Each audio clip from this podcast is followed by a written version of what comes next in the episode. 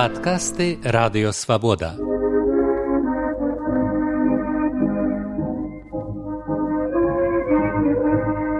Падарожжа ў БНР з Сергеем Шупам.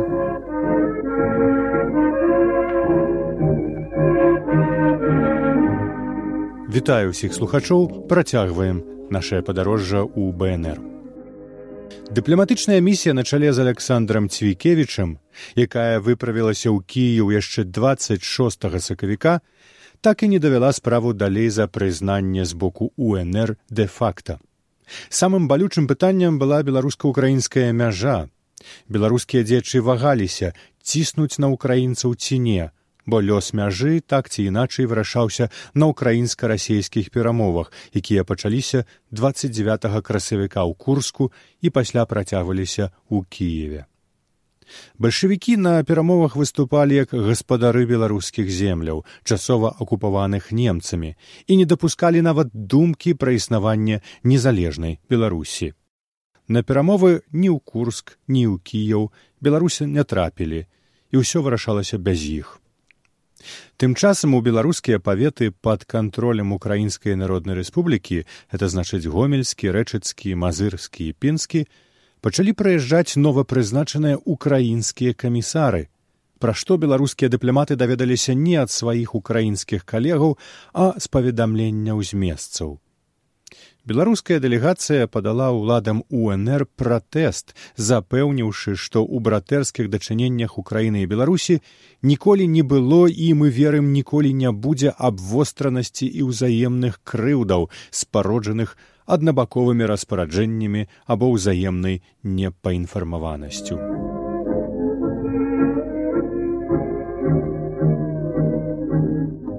Тым часам гомель і гомельшчына на сваю палітычную будучыню мелі свой асобны погляд.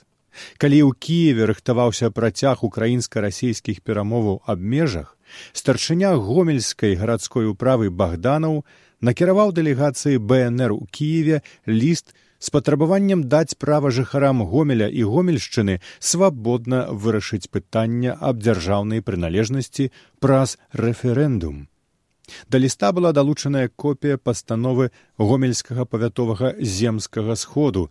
Выбраць дэлегацыю з двух чалавек упаўнаважыць іх дамагчыся на мірнай кіеўскай канферэнцыі прызнання за гомельскім паветам правоў на самавызначэння і калі гэткія будуць дадзеныя то хадайнічаць аб вызваленні павету ад адміністрацыйных і вайсковых уладаў усіх дзяржаваў. Але вольнасці горад гомель так і не атрымаў ни ад Менску, ни ад Киева, ни ад Москвы. Падкасты радыёвабода. Падарожжа ў БНР з Сергеем Шупам. У пачатку траўня ў Менску адкрыліся дзве палявыя кнігарні куды паступіла маса мастацкіх белетрыстычных гістарычных і этнаграфічных выданняў кніг альбомаў і картаў што датычылі беларусіі літвы курляндыі ды іншых акупаваных краёў. Апрача таго жыхары сталіцы бнр рэгулярна і аператыўна это значыць на другі дзень пасля выхаду атрымлівалі замежную прэсу віленскія беластоцкія варшаўскія чынстахоўскія і больш за двадцать назоваў нямецкіх і аўстрыйскіх газет а таксама ілюстраваныя часопісы. У тых самых кнігарнях можна было купіць і беларускія выданні з вільні. 12 траўня споўніўся год з дня смерці ў ялце паэта максіма богдановича з гэтай нагоды былы польскі народны дом які перайшоў у распараджэнне беларускіх арганізацыяў быў перайменаваны ў беларускі народны дом імя максіма богдановича. Дом мясціўся на вуліцы ніжняляхаўскай сем. Такіх вуліц у менску было аж чатыры але нумар сем мела толькі адна. Пазней яна называлася вуліцай гірша лекерта а цяпер гэта пешы праход з усходняга боку стадыёну дынама Пры народным доме меліся ісці курсы і лекцыі беларусазнаўства, арганізавацца школа для непісьменных, таксама планавалася адкрыць беларускі народны клуб. Адкрыўся народны дом у нядзелю 19 траўня тэатральнай імпрэзай. Была пастаўленая п'еса ўладзіміра галубка бязвінная кроў у выкананні таварыства беларускай драмы і камедыі рэжысэр флярыян жданович сярод выканаўцаў галоўных роляў выступілі і былі пахваленыя крытыкай і драматург і рэжысэр затое некалькі сонна правёў ролю сына сацыяліста пан фальскі пісалі газеты У заключэнні спектаклю ў дывертысменце выступіў упершыню новы беларускі хор пярэспінскай царквы, явивший большой успех исполнением совершенно неслыханных доселе белорусских частушек и дум. Подкасты «Радио Свобода». Подороже у БНР с Сергеем Шупом.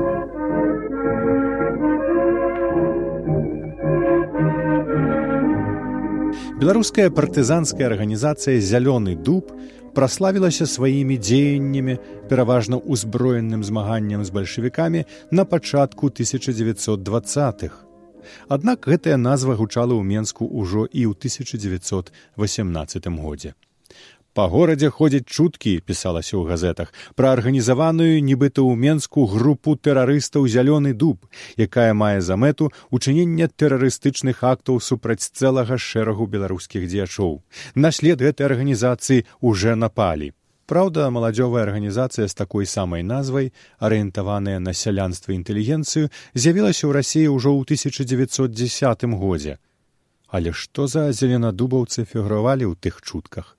Ці іх злавілі і хто іх лавіў? Хто гэта той шэраг беларускіх дзеячоў? Ці не было гэта нейкае рэха палітычнага расколу сярод беларускіх незалежнікаў? Няма адказу. На пачатку два стагоддзя па свеце пачаў шырыцца скаўцкі рух. Не засталася ад яго ў баку і беларуская моладзь часоў бнр менская вучнёўская грамада тая самая, што змагалася з народным сакратарыятам за сваю друкавальную машынку, ініцыявала заснаванне новага культурна-асветнага і спартовага таварыства на манер скаўцкага. Беларускія скаўты меліся звацца сагайдакі. Сагайдакам у даўнія часы называўся боекамплект коннага лучніка, лук у чахле і калчан са стрэламі. Мэтай таварыства было фізычнае і маральнае выхаванне пад дэвізам няхай жыве незалежная Беларусь. А зараз вернемся да палітычных падзеяў. 14 траўня першы склад народнага сакратарыяту, праіснаваўшы тры месяцы, тэрмін вельмі рэдкі для ўлады арганізаваны рэвалюцыйным шляхам пісалі газеты, склаў свае паўнамоцтвы першы незалежніцкі ўрад выразна сацыялістычнага кірунку за гэты час страціў дзве траціны складу і ў выніку палітычнага крызісу саступіў месца правым сілам.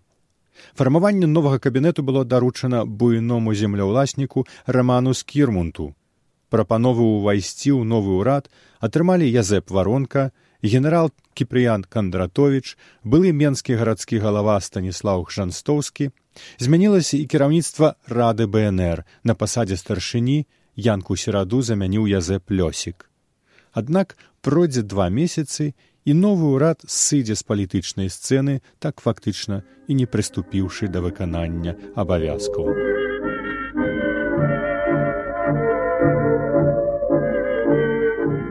Тым часам у акупаваным бальшавікамі віцебску праца беларускіх арганізацыяў была цалкам паралізаваная. Беларускія грамадска-палітычныя дзеячы былі часткова разагнаныя, часткова тэрарызаваныя і загнаныя ў падполле. Віцебская арганізацыя беларускай сацыялістычнай грамады на чале з михаілам мялешкам перайшла на нелегальнае становішча. Вайсковая рада паўночнага фронту была разагнаная і закрытая. Затое шырокае поле дзейнасці бальшавікі пакінулі палякам, а менавіта першаму польскаму рэвалюцыйнаму палку. Полк гэты афіцыйна чырвонаармейскі нічым не адрозніваўся ад бабруйскіх палкоў доўбар мусніцкага улучна з сімволікай арлы кароны. У менску абураліся У віцебску польская акупацыя дае сябе адчуць мацней за бальшавіцкую, а гэта, мабыць, і ёсць праграмай дзейнасці ленінскіх саўнаркомаў, якія распрадаюць Беларусь направа і налева гуртам і ў раздроб.